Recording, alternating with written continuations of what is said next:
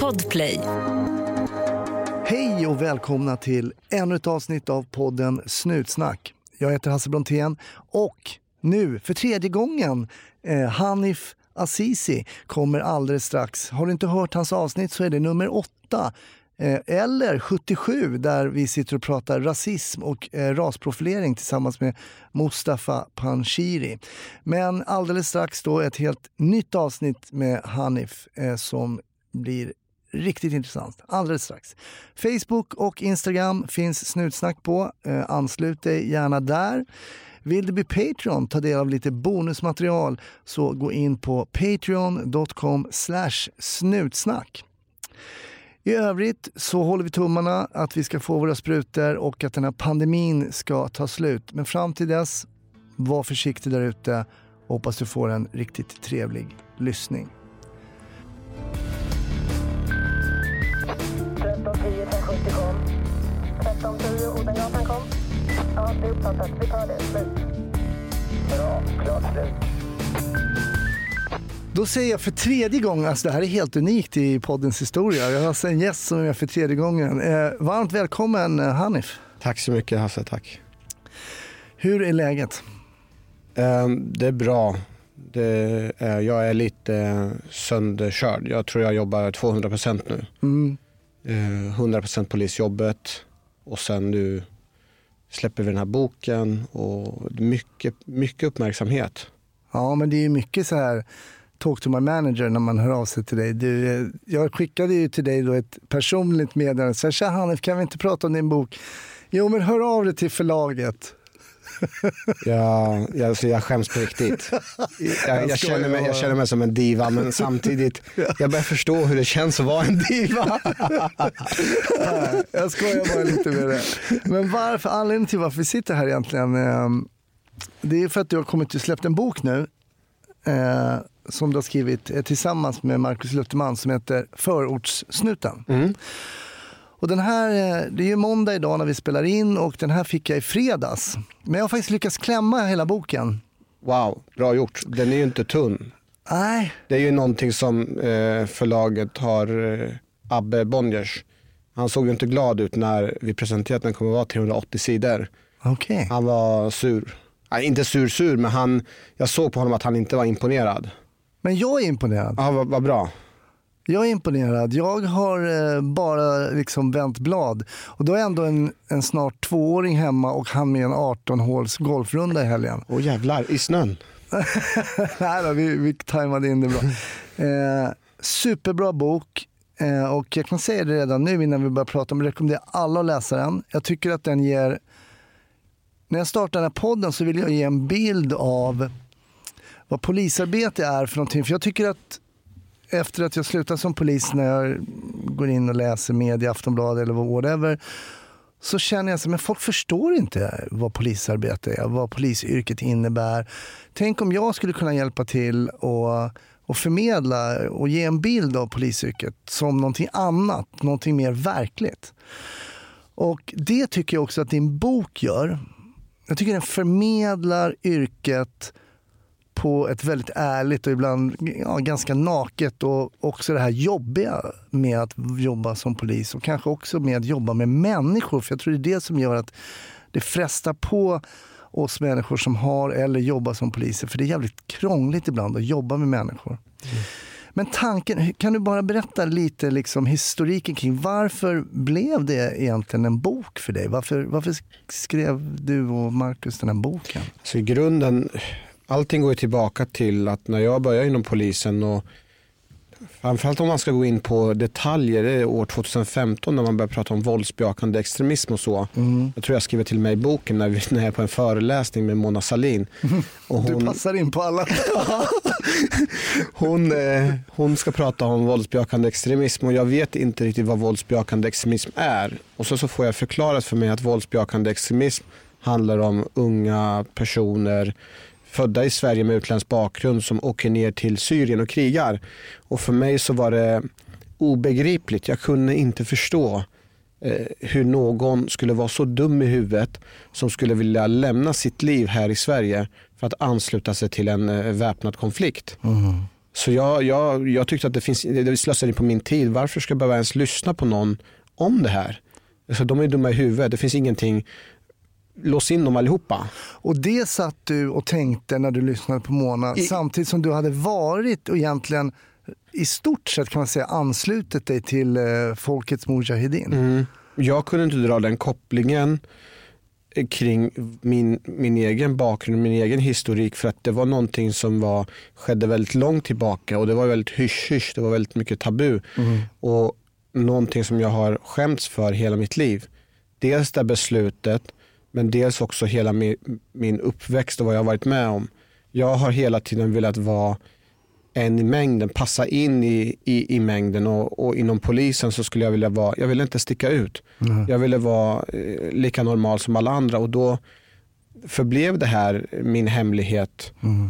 Ehm, Det är så intressant för att, och det, jag brukar säga det till mina gäster när vi pratar, det kan vara någon händelse någon har varit med om, så väcker det mycket.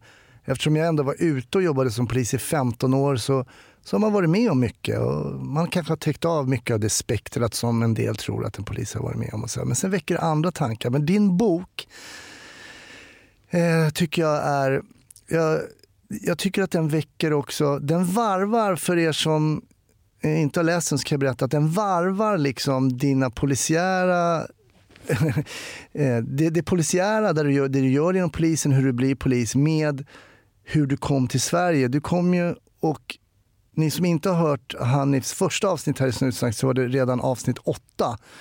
Eh, där berättar du också att du kom som ensamkommande. Du var nio år, din bror Salih var sex år. Och hur ni blev egentligen ja, helt sonika lämnade av morsan för att hon ville fortsätta kampen där då för ett, ett friare Iran. Då. Det var ju, vad heter han, Khomeini, vad hette han? Mm. Khomeini var i makten och mina föräldrar var politiskt aktiva och ville, eh, ville införa en annan typ av eh, styre i Iran. Och med samband med revolutionen så, vart det, så kickades de ut och vi kom ju som kvotflyktingar först till Sverige. Jag kom till Sverige och sen här i Sverige föddes min eh, lillebror. Och sen så åkte vi, tillbaka, åkte vi till Irak där vi fick en fristad stad av eh, Saddam Hussein. Ledaren för Mujahedin eh, ordnade så att eh, man kunde få en fristad och där, där bodde jag och växte upp. Så min uppväxtmiljö och vart jag har växt upp det är ute i öknen på en militärbas där, där eh, pansarvagnar, förlåt jag har fått lära mig att det, det heter inte pansarvagnar, det heter stridsvagnar. Okej. Du vet det är inte lätt när man är invandrare. Snart kan du inte skylla på det. Nej. längre. Det är liksom stridsvagnar, det var liksom Kalashnikov och de var ute i krig. Det, det präglade våran uppväxt men det var helt okej. Det var inga konstigheter. Jag upplevde inte min barndom och uppväxt som någonting dåligt, snarare väldigt kärleksfullt och fint. Mm. Ehm, tills kriget kom. Ehm, och när kriget kom så, så förändrades ju hela vår situation. Och jag tror att alla som lyssnar som har varit med om krig förstår. Lite grann kan man säga det som när corona kom. När coronan kom då slog det till och förändrades ju väldigt mycket. Och på samma sak var det ju när det blev krig. att Allting stängde igen, våra skolor stängde igen och vi kunde inte vara ute och leka. Ehm, och sen så beslöts det att, eh, bestämdes det att att min mamma och pappa, de skulle, eller våra föräldrar, de skulle skicka iväg oss. Eh, Och i det här miljön, det var ingenting som man kunde bara säga, men mamma ska du följa med, utan det var bara att rätta sig in i ledet. Och det är en del av min uppväxt att jag har hela tiden präglats av att kunna acceptera det, det jag ut, vart jag kommer, jag måste acceptera det och jag har ingen resurs som kan göra någonting åt det. Och det är väl framförallt en del av boken som försöker förmedla liksom hur man ska försöka verka i en miljö när inte det finns en skyddsnät, när man är ett litet barn och försöker liksom hantera svårigheterna. Eh, Och vilka konsekvenser det, det får för en. Nej, men det är oerhört intressant och det är också det här liksom krocken med att komma till ett annat land med en annan kultur. Där eh, jag skrattade lite ibland och faktiskt var väldigt nära tårar ibland också för att jag tycker att boken, eh, sen ska jag tillägga att jag blivit oerhört bölig alltså med, med, jag tror det har med åldern att göra och att man blir pappa igen. Och, Nej men eh, bara den här saken, det var en kille som golade ner dig när ni snodde en flaska Ja. Trocadero. och du och din brorsa bodde då hos två iranier Mm. och ni blev bestraffade old school med bälte eller sticka nålar i fingret. Det lät ju väldigt eh, taskigt tyckte jag. Mm. Det var Eh, mot min lillebror. Ja, det var din lillebrorsa det som var fick ett finare sätt att bestraffa. Ja, konstigt. Ja. Det låter som en tortyrscen men tanken är bara att visa att man inte ska göra. Även om man är sex år så ska man kunna sköta sig. Annars så blir det nålstick. ja, jag förstår det. Gör du så med dina barn? Ja, jag gör inte det. Ja, det, det är sjukt, det är sjukt faktiskt. Ja, det är sjukt. Eh, Jag har distanserat, förlåt att min eh, torra humor är. Nej, nej, det är okej. Det är väl så vi kan se på vår historik också. Eh, Men jag tänker på när du kom på att man kan erkänna liksom ett, en gärning, då, till exempel som stöld av en läsk, när konsekvensen blir sitta och prata vid ett bord. För det kom du på sen liksom att vänta, många svenska föräldrar och så, här, de sitter och pratar med sina barn när de har gjort fel. Då, är det inget, då kan man ju erkänna typ vad som helst. Ja. Och att du kan få förlåtelse. Just det. Att du är, saker som att vara ärlig, be om ursäkt och be om förlåtelse är nyc- nycklar in i att kunna gå vidare. Mm. Det är någonting som jag lärde mig hos min, eh, min svenska familj sen när jag blev omplacerad till en ny familj. Just det. Och det var ju ingenting som kom över en natt utan det var ju, eh, det var ju skitdrygt att sitta och samtala. Och jag känner igen det även i, i när, man, när man har i förhörssituation. När vi tar in personer för förhör eh, så kan jag, jag förstår ju den som sitter mitt emot mig och när jag håller förhör för att jag har ju någon sadistisk sida som jag fått från Kristina, det vill säga samtala långsamt. Och jag hör ju när jag sitter i förhör hur den andra personen som inte är van att samtala, hur det, det finns en otrolig så frustration och irritation när man inte är van vid samtal. Och där, där man vill liksom hela tiden bara snabbt liksom få det överstökat. Eh, för det är ju ändå i, i grunden mycket enklare än att, att få en smäll, få en käftsmäll, bli slagen, så är problematiken löst, tror man. Den är bara löst där och då. Men man, det finns ju inte tillfälle att reflektera och återkoppla för att kunna förändra sitt beteende. Så den är mycket, mycket jobbigare i början. Men det fick jag ju lära mig hos Kristina. Och det var väldigt fult att ljuga. Det var inte fult för mig att ljuga innan. Det var liksom, i, i jag ska inte säga all, för alla iranier, men lite så här vita lögner här och där, det tillhör ändå vardagen. Det finns ingen, men hos Kristina och Anders, det var principen att vara ärlig, den, den var mycket, mycket viktigare. Eh, din personlighet, om du ljög, du var, du var en dålig människa av att du ljög. Så var det inte när jag hade växt upp, man var inte dålig människa att man ljög. Så det är liksom, jag tror, jag vet inte om man kan koppla det till kristendomen.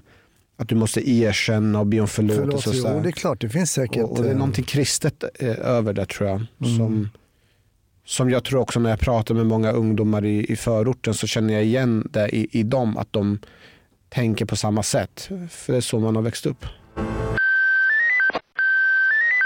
Jag har sagt i podden några gånger att jag sa det till mina studenter när jag var lärare på polishögskolan att det är ofta tillfälligheter som gör att vi sitter på ena eller andra sidan skrivbordet. Om du tänker tillbaka på ditt liv, att du inte åkte fast där, du hade trimmat moppen, du hade stulit, snattat. Det gjorde jag, jag hade trimmat moppen, jag hade stulit, snattat, men jag åkte inte fast. Eh, hade jag åkt fast tre gånger så hade det kanske varit, hade varit rökt. Så det är ofta tillfälligheter. Och det var ju en normal eh, pojkuppväxt. Liksom. Man trimmade moppen, man snattade lite chokladkakor. Inte för att man inte egentligen hade pengar utan för att det, skulle, det var någon, någon spänning. Men du är ju också ett bevis på att det är tillfälligheter. Det är väldigt mycket tillfälligheter i livet som gör att vi sitter där vi sitter Mm. just nu. Men du har ju tagit oerhört stora beslut i ganska ung ålder ändå, trots allt. För du var nere som 20-åring i Paris och då skulle du egentligen, det var det liksom sista steget innan du skulle till Irak. Du skulle ansluta dig till Folkets Mujahedin. Det hade varit mycket grubblerier från din sida. Så här. Men sen tar du liksom ett beslut ändå att nej, jag ska inte, jag ska inte, jag ska till Sverige. Mm.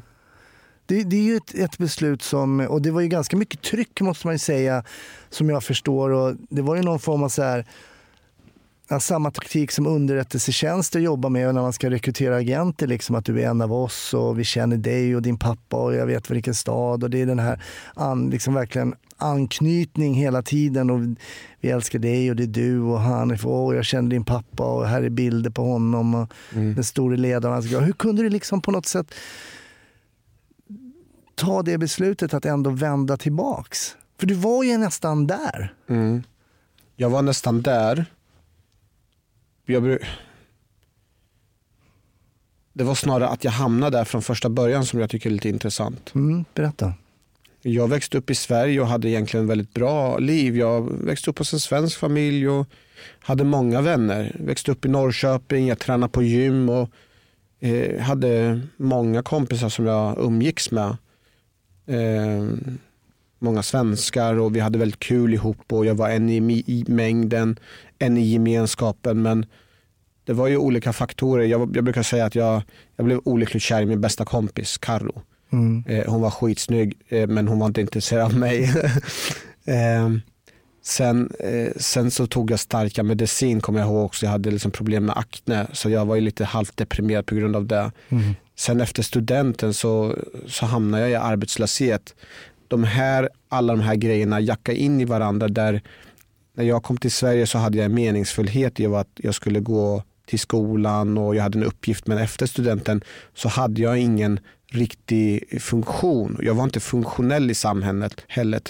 Och jag vill, alltså om jag tittar tillbaka på det nu så skulle jag säga att jag var jag försökte ta en genväg till att kunna vara funktionell. Jag försökte ta en genväg till att uppfattas som att jag var betydelsefull.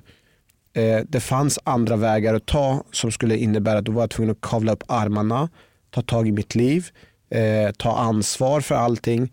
Men jag hade en förmåga att kunna skylla ifrån mig mina problem på yttre omständigheter. Att det är någon annans fel. Varje gång som inte jag lyckades med någonting, det var inte någonting jag själv hade gjort utan det var någon annans fel. Att inte jag fick jobb, det var för att eh, samhället var rasistiskt, för att arbetsgivaren var rasistisk. För att den är väldigt nära att ta till sig, den är nära till hands att kunna anspela på det. Det innebär inte att saker och ting, alltså att personer är inte rasistiska. Det innebär inte att jag inte har blivit utsatt för rasism eller att jag kanske inte har fått jobb på grund av mitt utseende. Men jag menar på att den förklaringen ligger mycket närmare och är bekvämare. Men det skapar ju också en vanmakt i att lämna ifrån dig ditt ansvar till andra personer.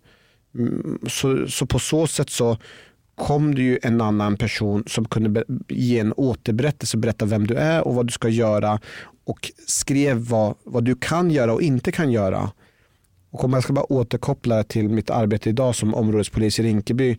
Ja, det är så slående att det är precis likadant. Det finns ju så starka krafter i våra områden som säger att man inte kan lyckas eller att man kan lyckas eller att personer som blir mm, be- behandlade på ett visst sätt utifrån polisens perspektiv, att det per automatik är rasism. Och jag blir ju alltid i, möt, i, sådana här händelser så blir jag alltid så, jag kokar ju av ilska när jag jobbat som polis. Jag förstod aldrig riktigt varför. Men jag har insett nu, det beror ju på att jag har ju själv ställts inför de här frågorna. Men jag har ju fattat ett vi- viktigt, viktigt val. Det är att jag inte ska lämna över de här besluten och de här ursäkterna till att det, alltså att det är andra personers eh, fel eller att, det, att det, problemet beror på andra. Utan om jag tar eget eh, ansvar för mig själv, för mitt eget liv, då kan jag påverka den. Eh, och det är väl det jag blir så jävla arg på när, vi, när jag hamnar i liksom diskussioner på sociala medier med aktivister eller andra personer som driver en tes kring att eh, vårt samhälle är ett rasistiskt samhälle där, det, där vi rasprofilerar. För jag kokar inombords för jag känner igen mig från Folkets Mujahedin hur man försöker tillskriva en kontext på samhället som jag inte känner igen mig. Och det är väl också en del varför boken, eh, en del av boken som jag framförallt kopplar till när jag var på, på skolan. Jag hade en föreställning kring hur polisen var. Att poliserna kunde vara rasistiska, att det förekom mycket rasism inom kåren. Den föreställningen hade någon sagt till mig att det var så. Så kommer jag in i verksamheten och ser att nej men vänta nu, verkligheten ser helt annorlunda ut än vad det beskrivs eh, för en. Men det passar oftast in på ett narrativ för att folk är bekväma med sin bild av hur polisorganisationen är. För att den är bekväm. Man vill inte ändra uppfattningen. Men nu kommer jag med den här boken och jag trollar, trollar sönder folk för att jag är en flykting med ensamkommande flyktingbarn och allting. Och jag bara beskriver saker och ting utifrån ett annat perspektiv. Och Jag tror att många kommer liksom kanske tappa sig själva i boken för att eh, de kommer inte ens kunna se rasismen i, jag, jag beskriver så många händelser i, i arbetet som är icke-rasistisk. Eh, Det är jätteintressant. Jag tror att som ex-polis så känner man givetvis igen sig på ett helt annat sätt kanske om man läser den här boken kontra om man då inte har jobbat som polis. Jag kommer ihåg min farsa sa till mig en gång, min pappa jobbade ju som polis också, men det, jag skulle bara klä upp mig någon gång. Äh, men jag, skulle, jag var väl också olyckligt kär som du antagligen. Men- och då sa jag, hur ser jag ut då? Och då sa farsan till mig, titta mig, vet du Hasse, folk, folk bryr sig betydligt mindre om dig än vad du tror. Och det, jag var så, vad, vadå? Alltså, man tror ju att man har alla blickar mot, Ja, ja, på sig själv Ja, hela tiden. Va? Och jag har tänkt på det där ibland. Poliser har ibland, in, vi har, man har inte tid att bry sig om du är Nej. brun eller halvbrun. Eller liksom, man vill bara göra, gripa den Ja. som har begått brottet. Och det, är- Vi, vi är, ju- delvis så är det, oftast så är det sekundoperativt. Eh, dels så är vi generellt sett genuint ointresserade. Eh, även till viss del är vi ointresserade av varandra. Jag, menar, jag vet inte hur många kollegor jag har på mitt jobb i, i Järva som har en annan bakgrund. Jag tar mig inte tid att fråga. Nej. Jag tar mig inte tid att fråga så här, hej du heter så här, vad har du för bakgrund? Det finns ett ointresse. Sen är det någonting tror jag, när man tar på sig uniformen, det är som om det är som om du tar på dig ett eh, matchtröja när du ska gå ut och spela match. När du ska spela fotboll och du är på topp. Det är inte så att backen, titta vänta nu, vad har den där personen för bakgrund? Ska passa honom eller inte? Det är samma sak inom polisrollen. Du är ute operativ, du riskerar att dö. Inte fan tänker någon, ah, nej honom litar jag inte på för att han är svart. Nej. Alltså, det finns ju inte och det är så svårt att kunna förklara det för allmänheten utifrån deras narrativ kring hur saker och ting ser ut. Visst, det, jag, jag försöker inte bara ta bort oss. Jag, jag påtalar ju också exempel i boken kring kollegor som har utländsk bakgrund, vad, vilket typ av bemötande de har Ja. fått. Som jag tycker är viktigt och allvarligt som vi ska ta upp.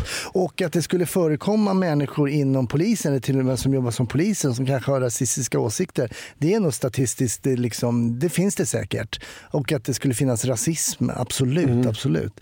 Nej, du nämner ju Rissa bland annat, som också varit gäst i podden, som, ju är en otrolig, som jag hade som student. Mm. Just också, det, just som är det. en otroligt eh, färgrik person eh, som hörs och syns och eh, har väldigt eh, bra åsikter också tycker jag. Mm. Eh, hur hon blev bemött till exempel på skolan av då, an, i, det vet man, det kan ha varit av student, studentkompisar liksom. Ser du någon annan apa här, om inte annat, åk tillbaks till zoo. Mm. eller något så här. Otroligt rasistiskt liksom. Så visst, eh, det förekommer. Sen, sen tänker jag, det, ja, det är så, den här boken är, det, det, det är så mycket. Det vi kommer inte hinna prata om allting såklart. Eh, så du som bara är det minsta nyfiken eh, tycker jag ska eh, införskaffa den här boken och läsa den, för den är så himla spännande. Men jag tänkte vi skulle prata lite mer om polis, för vad som händer är ju då att vi får följa din resa och du är också väldigt eh, ärlig om, liksom, du är ganska eh, mycket en sökare och du funderar mycket och tänker och duger jag och, och, och, och så vidare och så vidare som många kanske gör i den åldern men du har din bakgrund och ditt tänk och, och allt sånt där. Ehm, men till syvende och sist efter många turer så, så blir det polisen för dig. Eh, det blir polisyrket och jag reagerade starkt på en berättelse. Eh, Jag tror att kapet, kapitlet heter Jättestor blodpöl eller Stor blodpöl. En enorm pöl av blod. En enorm pöl av blod ja. heter Det är en av mina favoritkapitel i boken faktiskt. Och jag tror att alla poliser som har jobbat har varit med om något liknande. Mm. Liksom, och jag fick upp lite bilder. Men kan du berätta om det ärendet? För du var ganska ny som polis då, eller var du till och med... eh, Var du till och med... Nej men nu har jag jobbat några år som polis. Ja, det var så. Eh, Mm. Men det som var speciellt är att jag hade precis separerat från en tidigare relation. Jag hade separerat från min, min sambo. Vi hade varit tillsammans i fem år och Eh, så jag hade flyttat hem, jag hade flyttat från vår gemensamma lägenhet, jag hade köpt en ny bostad. Jag hade svårt att sova på nätterna flera dagar i rad. Och, eh, går till jobbet på morgonen och märker att det är du vet ju själv Hasse hur det är när man, när man jobbar som polis. Det handlar om de här små detaljerna. De måste sitta. Du ska ha all din utrustning. Du ska ha din block. Du ska ha din penna. Du, raken, ska, snäckan, allting. Varenda liten detalj är så jävla viktig. För är det en detalj som inte stämmer, då fuckar du upp allting. Och det som störde mig den här dagen, är att jag kommer till jobbet, jag ska ta ut mitt tjänstevapen och upptäcker liksom att min nyckel, alltså min lägenhetsnyckel, alltså jag har inte med mig den. Så jag får springa hem och redan där så blir det liksom, alltså nivån för hela dagen blir förstörd när inte jag är i synk, jag är inte mentalt med. Eh, jag är liksom helt eh, trött mentalt, sliten och så och plötsligt så har jag liksom eh, kommit nästan för sent, jag skyndar mig, hinner i tid, hamnar i konflikt med en kollega som skäller ut mig eh, och är liksom den, arbets, den dagen jag ska börja så är jag redan mental skör. Jag borde egentligen med, en erfaren, med erfarenheten så skulle man kunna redan tid säga att hörrni, eh, jag har sovit dåligt, jag har haft det här och det här. Jag vill bara säga att idag är jag skör bara så ni vet om det och flaggade för mina kollegor. Men på den tiden var vi inte vana att göra på det sättet utan man tog det i patrullen med, i bilen. Och jag åkte med en, en kollega till mig som en god vän till mig, Andreas Kagg Stenmalm som är eh, så här urtypen av en, hur en polis ska vara. Han är så stor, han är så stark, han ser bra ut. Jag ser hur tjejerna liksom, liksom, eh, liksom flockas runt honom. Men han är så oerhört ödmjuk, alltså en oerhört ödmjuk person. Och med honom så kan jag prata ut om allting i bilen. Och det finns ingen, det finns ingen grabbig snack på det här sättet. Vi pratar om livet, känslor och så. Vi får först ett jobb av en pundare som är missnöjd med att eh, de ska bygga en bussdepå där han har köpt en kolonilott. Men nästa jobb då får vi ett ärende där det är en, där en som jag minns det, det är en person som, eh, som är så pass, eh, mår så pass dåligt. Och han har precis kommit hem från ett långt fängelsestraff. Men när han kommer hem så eh, är mamman så pass orolig för hans hälsa så att hon, eh, hon kontaktar polisen och vill att vi ska titta till den här killen. För att hon, hennes absolut värsta fara är att han skulle kanske kunna ta, ta, försöka ta sitt liv. Mm. Och har man jobbat som polis, man går direkt in i den här inställningen, mental inställning. Vad kan vi förvänta oss? Eh, vad är det värsta scenariot? Vad, vad är det vi behöver tänka på? Bolla med sin kollega. Eh, vad är det minsta vi kan förvänta oss och hamna någonstans så att vi har rätt mental inställning. Vi åker in till jobbet och det första som händer när jag kliver ur bilen det är att jag ser min gamla, eh, jag ser en gammal vän till mig, eh, klasskamrat från när jag pluggade till sjuksköterska och han nu har utbildats till ambulansförare och jag tappar eh, koncept, jag, jag tappar den här polisiära delen för att jag går in och är liksom kompis istället. Tappar du fokus lite? Tappar eller? fokuset, jag tappar och blir liksom lite ja, ännu mer slapp så att förutsättningarna är så dåliga. Sen inte nog med det, jag säger men vi går upp, vi ska kolla till den här killen som är psykiskt sjuk, sen kommer vi tillbaka, ska vi snacka vidare. Eh, och jag minns att när vi eh, går upp för trapporna och tar tag i eh, lägenhetsdörren och ska öppna den, det är någonting, det, alltså det är en metallisk lukt som borrar sig in i mina näsborror. Eh, av, alltså det är, jag känner att det är eh, så mycket blod. Eh, liksom hela, det luktar blod och blod kan lukta olika sätt men den här blodet som är eh, eh, syrerik tror jag det är va? Vilken är det? Den här som är jag vet inte. jag kommer inte ihåg men eh, jag känner bara att det luktar slakteri, det luktar blod och jag kliver in i hallen eh, och går in i vardagsrummet så ser jag att det är en man som ligger framför mig och så, så står, ser jag att det är en pöl, det är en pöl av vätska. Jag tittar på vätskan, jag kan inte riktigt avgöra vilket som är avföring, blod eller urin. Det, det, det är en sörja och jag ser mannen framför mig eh, och han har, eh, han har eh, tagit en kniv, kökskniv och skurit sig. Så han har inte skurit sig bara en gång, två gånger. Han har skurit sig över hela kroppen. Hans armar och ben ser ut som rivjärn. Alltså det, när jag ser det här, jag hamnar i en chock. Jag hamnar i en chock. Eh, och det har att göra med att jag hade fel inställning när jag kliver in här. Jag var inte mentalt förberedd. Eh, så att det blir egentligen svart för mig. Eh, jag gör vad jag ska. Eh, det är inte så att jag inte kan eh, full, fullfölja min, mitt eh, jobb. Jag gör som jag ska. Jag påbörjar lägga tryckförband. Ambulansen kommer in och börjar hjälpa till. Befälen kommer in och tittar in. Befälen ser ut att allting löses som det ska. Kagg jobbar på som, som han ska, jag jobbar på som jag ska. Men för mig är det egentligen svart. Mm. Eh, det är svart och det är mörker. Eh, och det här mörkret kan inte jag ruska av mig. Jag vet inte riktigt varför. Det, alltså, jag förstod inte där och då vad det var i det här si- si- scenariet som bet på mig. Eh, det var inte första gången jag hade sett en, en skadad person. Eh, det var någonting i det här eh, händelsen som var, det, det, var, det var svart. När du, när du säger svart, vad, vad menar du då? Är det, är det liksom så att du själv är i en bubbla liksom i av ett mörker eller Ja. är du själv i det här Ja. svarta? Liksom? Det känns som om jag, att jag har få, eh, det känns som om jag får kliva in i ett rum och att rummet är bara helt svart.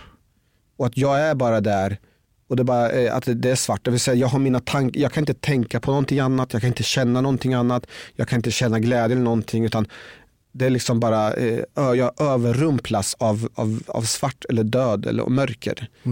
Eh, så när vi sitter i radiobilen och ska fortsätta vidare på vårt nästa uppdrag så märker ju Kagg på mig, jag antar att han kan se på min blick eller någonting att det är någonting som inte stämmer till. Det är någonting som inte är som det ska. Eh, Men jag vet att det här är rätt så vanligt och jag tror att det finns säkert personer som sätter det i system. Det vill säga man vill göra, göra det enkelt för sig själv och liksom bara tränga bort tankarna. Och det är ett bra sätt att tränga bort tankarna det är att ta ett nytt, dra, eh, nytt jobb. Eh, för jag var väldigt snabb, så fort det gick ut ett jobb på radion, jag tog det så fort för att kunna trycka undan eh, de, här, de här tankarna. Så jag åkte på nästa jobb och jag kunde göra jobbet. Det var inte så att jag, jag var inte helt borta och sådär, så jag var funktionell. Men i, i, i, i, i mitt medvetenhet där bak så fanns det en mörker kopplat till den här händelsen som var svårt att liksom på något sätt eh, ta bort. Ehm, Vad hände sen då när ni kom in? För jag vet att du fick lite tvivel efter det här, liksom, att det här mörkret att du tvivlade liksom på yrkesvalet lite grann också. jag tror att eh, varje gång man får en motgång, varje gång det händer en sån här grej så, så, så kanske det kommer en form av tvivel kring huruvida jag är lämplig för det här uppdraget. Huruvida jag är lämplig att kunna fortsätta det här arbetet, huruvida det här är ett yrke som passar mig. Eh, det är då de här, när det blir för, för svårt så kommer de här eh, tvivlen fram. Ehm, och jag åker upp till, det var i samband med att jag skulle åka upp på ett bröllop till min bästa kompis Robin i Skellefteå. Jag åker upp dit och jag märker att jag, jag är inte med och bidrar till någon bra stämning där. Men det går en tid, jag kommer tillbaka till jobbet efter en helg och för mig själv så har jag lyckats tränga bort de här tankarna. Jag har fått prata av mig och jag känner mig liksom eh, jag känner mig liksom nöjd. Men då kommer befälen fram till mig och säger du, jag hörde att det, där var, att det var någonting som hände där i fredags men eh, det finns möjlighet att prata av sig. Eh, vill du inte gå och prata av det ändå? Nej men du vet vad, jag, jag kände verkligen att jag inte hade någonting att prata om. Jag kände att jag var klar med det. Men då sa man gå dit ändå bara för säkerhets skull för då kan du då kan du bara liksom, det är gratis, det, det finns ingenting mer med det. Du kan gå dit och prata med någon och sen om det är över så är det över. Men du får en möjlighet att göra det. Och jag är en genuin person som tycker om att prata om tankar och känslor. Så jag passade på och tyckte att det här blir en, en, eh, en rolig grej. Eh, Gräva i ens hjärna och så. Så jag går dit och sätter mig med den här eh, arbetsterapeuten eller vad det var och får bes- återbeskriva det här händelsen. Och hon den här ar- arbetsterapeuten, hon vet exakt vad hon sysslar med. Hon kan sitt jobb. Och det var hon som var så, du tyckte hon var så ung och oerfaren? Nej det var inte hon, det var Nej. den som kom efteråt. Den här terapeuten för att eh, jag liksom lägger på mig en mask där jag snackar. Men hon tittar på mig intensivt och sen så märker hon vid ett tillfälle hur jag bara liksom stannar till i berättelsen. Och hon bara säger så här, där, precis där, beskriv, beskriv vad du tänker och känner där och det var när jag berättade att jag såg den här människan. Mm. Beskriv honom, hur såg han ut? Ja, men han var ung, han var i min ålder, han såg ut att må så bra, han såg ut att må skitdåligt. Ja, men vad är det som är så speciellt med honom? Vad är det för någonting i det här som gör att du, du, liksom, du connectar? Ja, då sa jag, jag kanske ser mig själv i honom. Mm. Eh, eh, för jag mådde också dåligt. Mm. Jag kommer ihåg när vi skrev den här scenen så frågade ju till, till exempel Marcus mig om jag hade själv liknande tankar att jag skulle göra något liknande. Absolut inte, jag har aldrig haft de tankarna men i hans utsatthet och mådde så pass dåligt så kunde jag känna igen det. Eh, och där och då så vet inte jag vad som hände men jag bara liksom, det vart en förlösande jag satt där och bara grät ut i, i, i tio minuter och den här terapeuten hon var skitproffsig. Hon bara lät det liksom rinna av sig och efter den där liksom tio minuterna det var liksom som att jag hade bearbetat det och jag kände mig klar med det. Ehm, Jag tyckte det var skithäftigt. Hon var så jävla grym och jag förstod hur viktigt det där var och hur mycket fler sådana här, hur, hur, hur ofta vi egentligen skulle behöva åka och eh, prata med terapeuter om olika händelser. Jag, jag tänker här att det blir någon form av liksom eh, dubbeleffekt. För dels så tar du med dig, du berättar om att du var liksom låg, du hade separerat och, du, och då tar ju du med dig liksom det privata till jobbet. Du har det privata din ryggsäck, du kommer in, du blir bemött av någon som är så här, mm, och det blir en dålig stämning. Och, Sen åker på det här, det blir ännu lägre. Sen åker på bröllopet, då tar du med dig det privata som förvärrades i jobbet och det tar du med dig sen till bröllopet och ser till att det blir dålig stämning på bröllopet. Så det blir liksom det blir liksom en ond cirkel här på något sätt. Ja. Att man tar med de här olika delarna Ja. överallt när man inte får det ur systemet på Ja. något sätt. Och där finns ju en lärdom som jag tror jag med tiden jag har lärt mig inom polisyrket är ju eh, så fort du hamnar i en situation där du känner att det är någonting som gnager så fort som möjligt försök reda ut det. Så sparar du med tid och energi för dig själv och de andra. Det, var, det var en grej. Det var eh, red ut dina problem. Har du varit med om jobbigheter, låt inte det, svälj inte det och gå vidare utan red ut det. För du kommer, alla kommer vinna på det. Eh, om vi ska fortsätta så var det så att det var Sen efter de här samtalen så sa hon någonting annat. Att du Hanif, nu har vi pratat om det här, det här är klart. Men eh, under den här tiden som du har berättat så har du berättat om din barndom och din uppväxt. Så jag behöver permittera dig eh, till, till en eh, kris och traumacenter så att du ska reda ut det som du har varit med i ditt liv. Och så då fick jag ju gå via, och det här ska jag säga, det här fick jag göra bland annat för att med argument att jag ska kunna fortsätta vara funktionell som polis. Därför så blev jag permitterad dit. Det är ett otroligt eh, förmån för oss att kunna göra det. Och jag kommer ihåg jag ringde och pratade med mitt ex om att jag skulle få den här möjligheten. Hon sa du, du ska vara så glad för det finns så många som vill gå i terapi och du har den här möjligheten att gå i terapi. Eh, det är, du ska vara lycklig. Och så gick jag på en eh, terapi i, i, i över ett år till den här kris och traumacentern. Men jag skulle säga om jag blickar tillbaka till den här händelsen och vad jag har lärt mig det är att jag har varit en människa som, precis som många andra människor, jag tänker och känner en massa känslor men trycker undan väldigt mycket av mina känslor. Jag har gjort det hela tiden i min uppväxt. Det har varit min copingstrategi. Av att vara ett barn som inte får möjligheter så har jag trängt undan det för att kunna vara funktionell och överleva. Men när du börjar jobba som polis, då funkar inte det. I polisarbetet så kan inte du tränga undan. Utan i polisarbetet så är det väldigt viktigt att du hela tiden har ständig dialog med dina kollegor. Du berättar vad du tänker och känner och hur du reagerar.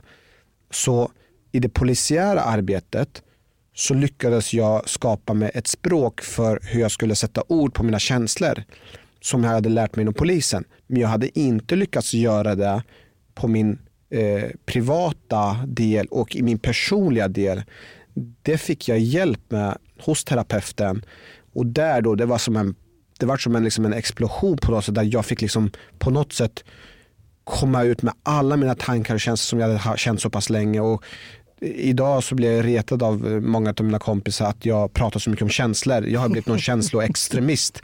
Jag tror halva boken handlar om känslor och tankar. Så jag tror att jag har blivit eh, radikaliserad av terapeuten på det hållet. Så det är mycket känslor hela tiden och en del har svårt med tankar och känslor. Men det... Jag har inte det och jag tycker att det är jättebra med den här boken. Jag tycker om det väldigt mycket. För att man får reda på väldigt mycket. Du är väldigt ärlig och och det är också fler väldigt intressanta, ska jag säga, polisiära eh, historier. Jag gillar de här, framförallt då när boken heter ju ändå Förortssnuten, men lite från förorten där, där vi jag har faktiskt flikat lite grann i några grejer där jag tänkte man skulle prata. Men en grej som jag, jag pratade, jag brukade alltid säga så till mina studenter att tänk på att liksom det är jävligt svårt att vara otrevlig mot trevliga människor. Alltså generellt, det är det det. Ja. Du vet man är sur på någon som bara, nu ska han på den där festen. Men jag kommer säga, jag kommer säga till honom Japp, japp. exakt vad jag tycker. Ja. För nu, det, det, nu är måttet så bara är han så här trevlig. Man säger ingenting. Och så Nej. för att han är så där supertrevlig och så säger man ingenting. Jag måste bara berätta en sak. En gång så var det en, jag följde efter en bil och den här bilföraren, han körde mot rött två gånger. Jag sa så här, nu jävlar, inte bara en gång utan två gånger. Nu ska han bli av med körkortet. Och sen så stoppade jag, gick ut och vi var ner i rutan. Han var så trevlig. Jag bara, fuck, fuck, fuck, fuck, det går inte. Jag kan inte dra hans körkort. Han spelar alla kort rätt. Jag, bara, så här, jag gick tillbaka till bilen och sa, jag är ledsen, det går, jag kan inte ta hans körkort. Han var så jävla bra. Så här, jag, jag är ledsen, varsågod, du får gå. Ingenting, du får rapporteftergift. Ja, ja, det, ja, det påverkar. Det kanske inte man ska säga, men det, det är så det är. Liksom. Man kan säga att det är ingen nackdel att vara trevlig ens Nej, mot, det- mot konstaplar. Eh, nej men det var faktiskt en grej här, jag har flikat lite i boken här nu och det blir aldrig som man tänkt sig riktigt när man ska ställa frågor. Men, men ehm, det var det att du gav beröm, du var så jävla lack på folk och eh, man, man, du beskriver hur ni blir bemötta och horunge och allting och sådär och bla bla bla. Och man, du sk- beskriver tankar som det, men då så bara spöa skiten ur den för att då, och, men så har du fått då, för jag tror det var någon, någon tid, någon förhållande, men försök, det finns, alla personer har olika sidor Ja, liksom. jag vill bara strypa henne när hon säger så. Alla har olika sidor. All, det finns en fin, god, någon, det finns någonting gott i alla. Jag bara, ja, men testa det på våra kids där ute så får du se. Ja, men du gjorde ju det. Ja, Du dels berömde en rappare för att han har gjort en bra video. Ja. Berätta om det, du träffade honom i någon galleria.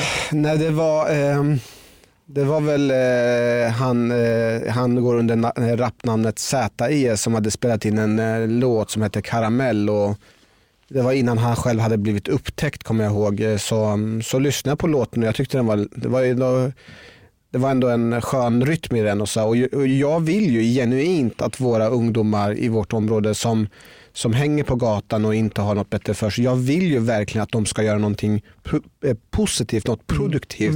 Och jag var ju så glad att, eh, att ZE hade kommit igång med musiken och han började spela musik och så här. Så jag tänkte så här, fan om han håller på så här då kanske han kan inspirera fler ungdomar att hålla på med musik istället för eh, istället för det andra. Och jag kommer ihåg att jag har ju träffat eh, ZE många gånger i jobbet och det är alltid samma eh, tugg vi har mot varandra. Men den här gången så, så bara testade jag bara, ville berömma honom och det var, alltså, han tappade ju hakan.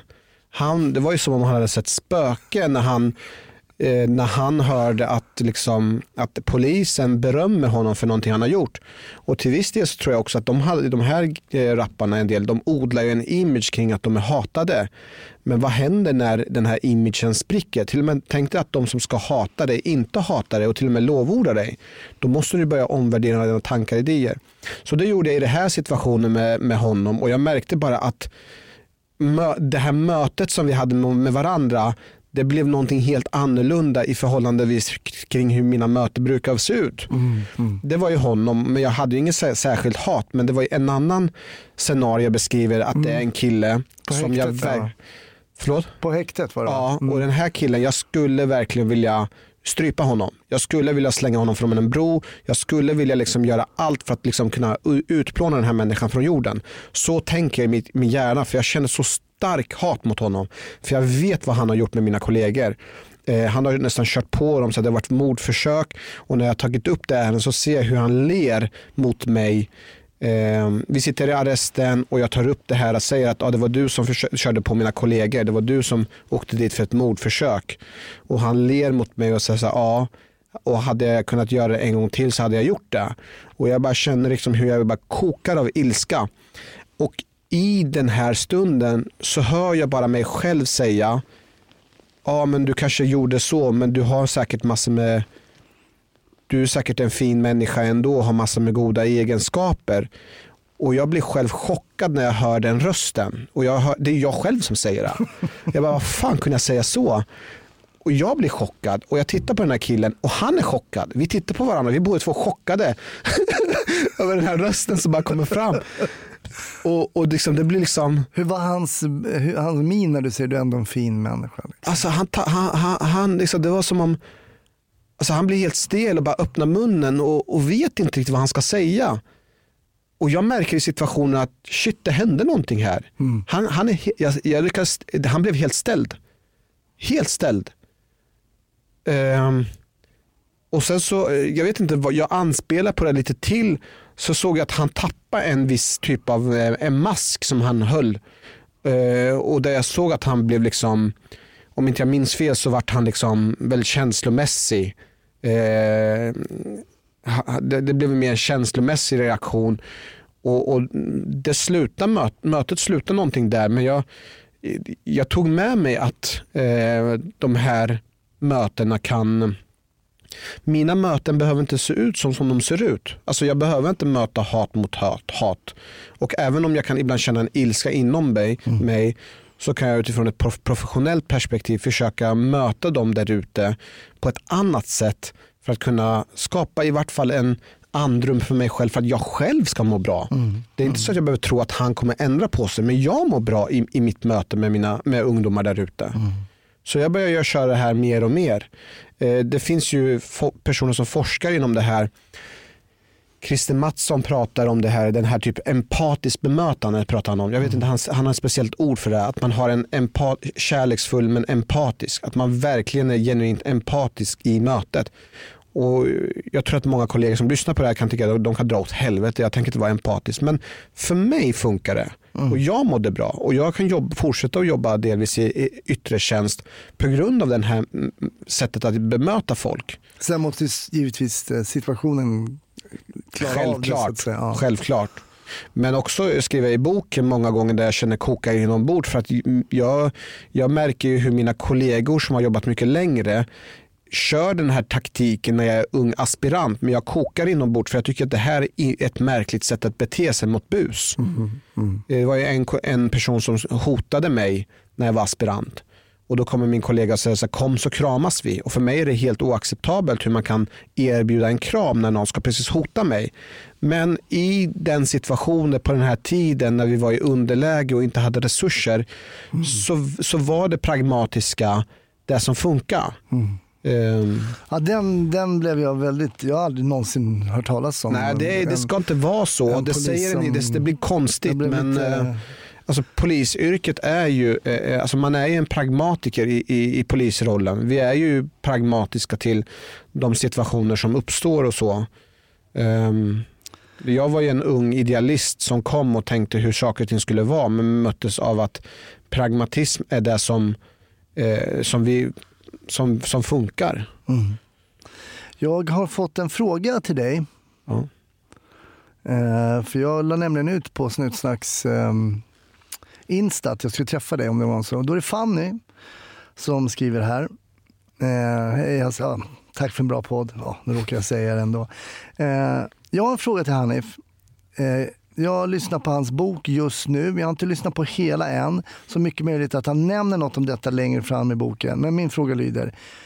Eh, I boken så reflekterar han en del över att han som utlandsfödd behövs i den svenska poliskåren. Tror han att han hade blivit polis även om han var blond, blåögd och född i Sverige? Mm. Det, det är en bra fråga.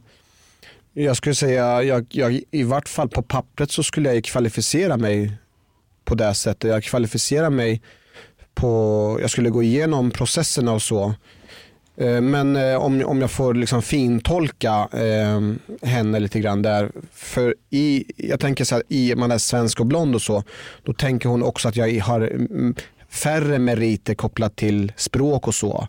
Och, och i, det är ju meriterande att kunna fler språk. Så jag vet ju att jag kan prata persiska, är meriterande. Men ehm, jag tror att i, i vart fall på pappret så borde jag ha kvalifikationerna och allting och även intervjumässigt och allting så borde det väl gå. Men det är svårt att säga. Det kanske, kanske ur ett aspekt nej. Kanske ur ett aspekt eh, så skulle jag anses vara för lik alla andra. Jag menar, när jag gick i min klass så när vi gjorde en så här undersökning vad alla andra hade för eh, bakgrund och så. Alltså det, jag tror det var en tredjedel eller två tredjedelar av svenskarna, de, de som var, de var etniskt svenska, de hade ju eh, hälften av, eh, mer än hälften av alla killar hade gjort militärtjänst. Eh, många av dem hade eh, gjort utlandstjänst och många av dem hade dessutom efter eh, eh, militären jobbat som ordningsvakter. Jag tänker mig att om jag på många sätt hade varit väldigt lik de andra så skulle jag kanske, eh, då kanske det hade varit svårare att tävla om en plats. Så på så sätt så kanske det skulle vara svårare tänker jag. Om mina meriter stämde väldigt mycket överens med de andras meriter. Just det. Hon fortsätter också här och säger det att eh, superintressant bok, raden om när han och hans bror åker iväg med bussen och lämnar sin mamma kommer jag bära med mig länge. Jag pausade faktiskt boken då och kramade om mina barn. Mm. Det är fint. Ja, verkligen. Ja. Men det, det, här, alltså det här är viktiga, det här är, jag tycker de här frågorna är väldigt intressanta. Mm. Så fort man kommer in på när man pratar om bakgrund. Mm. Men där, där man måste ha med sig tycker jag, det är att när, när vi pratar om bakgrund, det är ofta spekulationer. Vi vet inte. Nej. Samma sak när vi pratar om att polisen är rasistiska när de har, hanterar personer med utländsk bakgrund. För det, den möjligheten har ju inte svenskar som blir föremål för kontroll. En svensk person kan ju aldrig säga att en, att en polis är rasist utifrån att den personen själv har en svensk bakgrund. Hänger du med? Mm, hänger Så med. att den här bakgrunden är ju, tycker jag, det blir oftast väldigt svårt att kunna förutse och säga, ge exakta svar. Ja, men du, du har ju också i kapitel där väldigt intressanta um, eh, tankar och också exempel kring folk som blir stoppade till exempel. Som säger det var ren rasism att jag blev stoppad. Du kommer med tankar som kanske menar på att det kan det ha varit. Men kan det också ha varit på det här sättet? Till exempel varför man vet att det är ert område till exempel där du jobbar i Rinkeby och runt Järvaområdet. Eh, många unga män från Somalia med rötter i Somalia som beskjuter ihjäl varandra. Det, vill man komma åt sådana personer i de nätverken då kanske det är onödigt att stopps, stoppa äldre damer i, i bilar. Alltså det finns ju liksom också något, vad är egentligen då äkta rasism och vad är, som du beskriver i boken, då polisiär erfarenhet och kunskap egentligen. Och där eh, tror jag att det finns ju väldigt olika tankar och beroende på från vilken vinkel man kommer in. jag sticker ut hakan rejält när jag, eh, när, vi, när, när vi pratar om rasprofilering så har jag, jag försöker vara så ärlig som möjligt med mig själv och jag är ärlig också med att säga vad jag tror och tänker. Och när det gäller rasprofilering så finns det ett område där jag skulle säga, att men det här kanske tangerar på rasprofilering och jag tar upp det faktiskt i boken också. Eh, och det är när jag, mina erfarenheter av att ha stoppat och kontrollerat, eh, kontrollerat eh, finnsreggade bilar där jag ser in i, för, i, i den som kör att det är en, eh, en romsk eh, kvinna med alltså romska kläder. Eh, och för de som lyssnar på det här, ja det kanske är rasistiskt. Ja, Jag, jag, jag vet inte hur man ska säga men eh, min erfarenhet av att ha stoppat och kontrollerat är att majoriteten av fallen som jag har stoppat så har det visat sig att personerna inte har körkort. Eh, så ibland när jag har sett en finnsreggad bil med en romsk person så har jag valt att blunda för det. Eh, men det har, jag har egentligen, enligt mig själv så har jag gjort fel. För jag vet väldigt säkert på att den här personen inte har körkort. Men Baserat på dina egna ba- ba- baserat på mina erfarenheter. och, eh, och så. Medan det skulle ju kunna i, gå in i någon form av eh, ett sätt att profilera eller rasprofilera på något sätt. Men jag försökte ju också vara ärlig mot mig själv och tänka hur ofta stoppar jag somaliska kvinnor? Eh, Och jag ställde den här frågan till min, min, min kollega också, flera av mina kollegor som jobbar i mitt område. Ärlighet, på, handen på hjärtat. Hur många gånger har du stoppat somaliska kvinnor i trafiken? Och alla bara så här, fan nästan aldrig. Varför? Varför? Alltså om, om vi håller på med rasprofilering i termer av ras, då borde vi ju vara, alla som är föremål för ett an, annat ras eller föreställningen av ras, borde bli stoppade och kontrollerade. Mm, och här kommer ju in det här att nej men det är ju inte bara etnicitet som det är, är inte relevant. bara färgen på huden. Nej, alltså. det är så Mm. många faktorer. Mm. Och här tycker jag att här menar jag på att alla i den här debatten är oärliga. Polismyndigheten är oärlig enligt mig. För Polismyndigheten går ut och säger att nej det förekommer inte sånt. Polisen profilerar inte efter och så, så rabblar de upp de här fina orden som man ska säga sexuell tillhörighet och kön och etnisk härkomst. Och jag bara tänker, vem fan försöker ni lura? Du kan inte garantera någon att mm, våra kollegor där ute inte stoppar folk bland annat utifrån deras etnicitet. Det är en del av att vara en människa, det är att ta sinnesintryck och av dina sinnesintryck så kan inte du göra avkall på vissa faktorer. Eh, Men jag förstår att Polismyndigheten måste säga på det här sättet. På samma sätt som jag förstår att aktivisterna försöker köra med sitt eh, sitt generella kontext. Men båda två är med och skapar en oärlig diskussion. Och det är därför det blir så, så fel. Där kollegorna vägrar, eh, kollegorna väg, kan inte ens närma sig den här frågan och många ungdomar eller förortsungdomar kan inte heller närma sig utan att se det utifrån polisiär perspektiv för att båda är med i ett eh, o, eh, oärligt spel. Men det är så intressant, på tal om profilering så gick jag, jag måste bara dra den här, den är kort. Så gick jag över Björns trädgård tillsammans med en kollega och där sitter det en tomte eh, med eh, rastaflätor, eh, vit kille alltså. Eh, rasta och en sån eh, typ kantarell på huvudet med rastafari-färger och sådär. Ja, haschtomte som man sa på den Ja, tiden. Liksom. Ja, men vi går och surrar med honom, det är inte förbjudet och vi var civila. Det är Ja. inte förbjudet att prata med folk men här var det ju någonting jag måste surra med honom. Så jag satte mig där och pratade med honom. Och, ah, han var lite dimmig och sådär, men inte så tydliga. Så sa du, har du varit på biblioteket? Han hade ju typ så här två, tre böcker i en liten påse. Och så kikade jag in i påsen, nej det är tre haschkakor. typ, alltså riktigt Fan, dina stora. fördomar besannades. Så, eh, ja, och det, så blev det. Och det var ju då någon form av profilering var det absolut. För att i alla fall inleda ett samtal och sen kan ju det samtalet leda till en misstanke och ibland inte alls. Jag menar jag pratar med så mycket folk så bara, det bara tack ha en bra dag. Det var inget mer mer så. Men det var på tal om det. Så det, det är så här. Det finns en idé om hur verkligheten borde se ut där vi har förmånen att tänka att vi ska vara korrekta, alla ska behandlas rättvis, alla ska vara schyssta.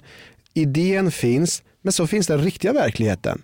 Den riktiga verkligheten ser inte ut på det andra sättet, den är inte fin och det är massor med saker och ting som inte stämmer överens, som inte är korrekt. Och det blir ju samma sak med den här eh, finsk-romska kvinnan som kör bilen som tyvärr, den är inte korrekt.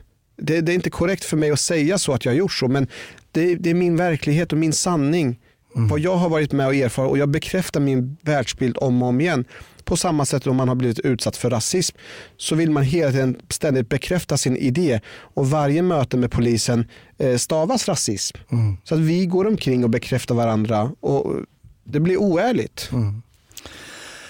Intressant. Jag tänkte vi skulle runda av. Jag har en jag tänkte vi skulle prata vidare i Patreon-avsnittet lite grann. Jag har lite tankar kring, jag vet inte, känner du till den advokaten som gjorde ett experiment på en eh, polis? eh, Japp.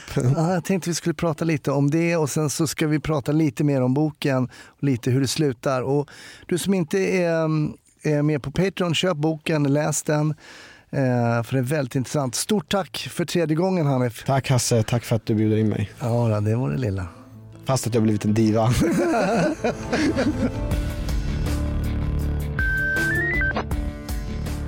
Tack! Veckans avsnitt är slut. Vi tackar Hanif och glöm inte att Nästa vecka kommer ett nytt avsnitt av Snutsnack. Och då heter jag fortfarande Hasse Brontén och podden heter detsamma. Ha det fint. Hej då.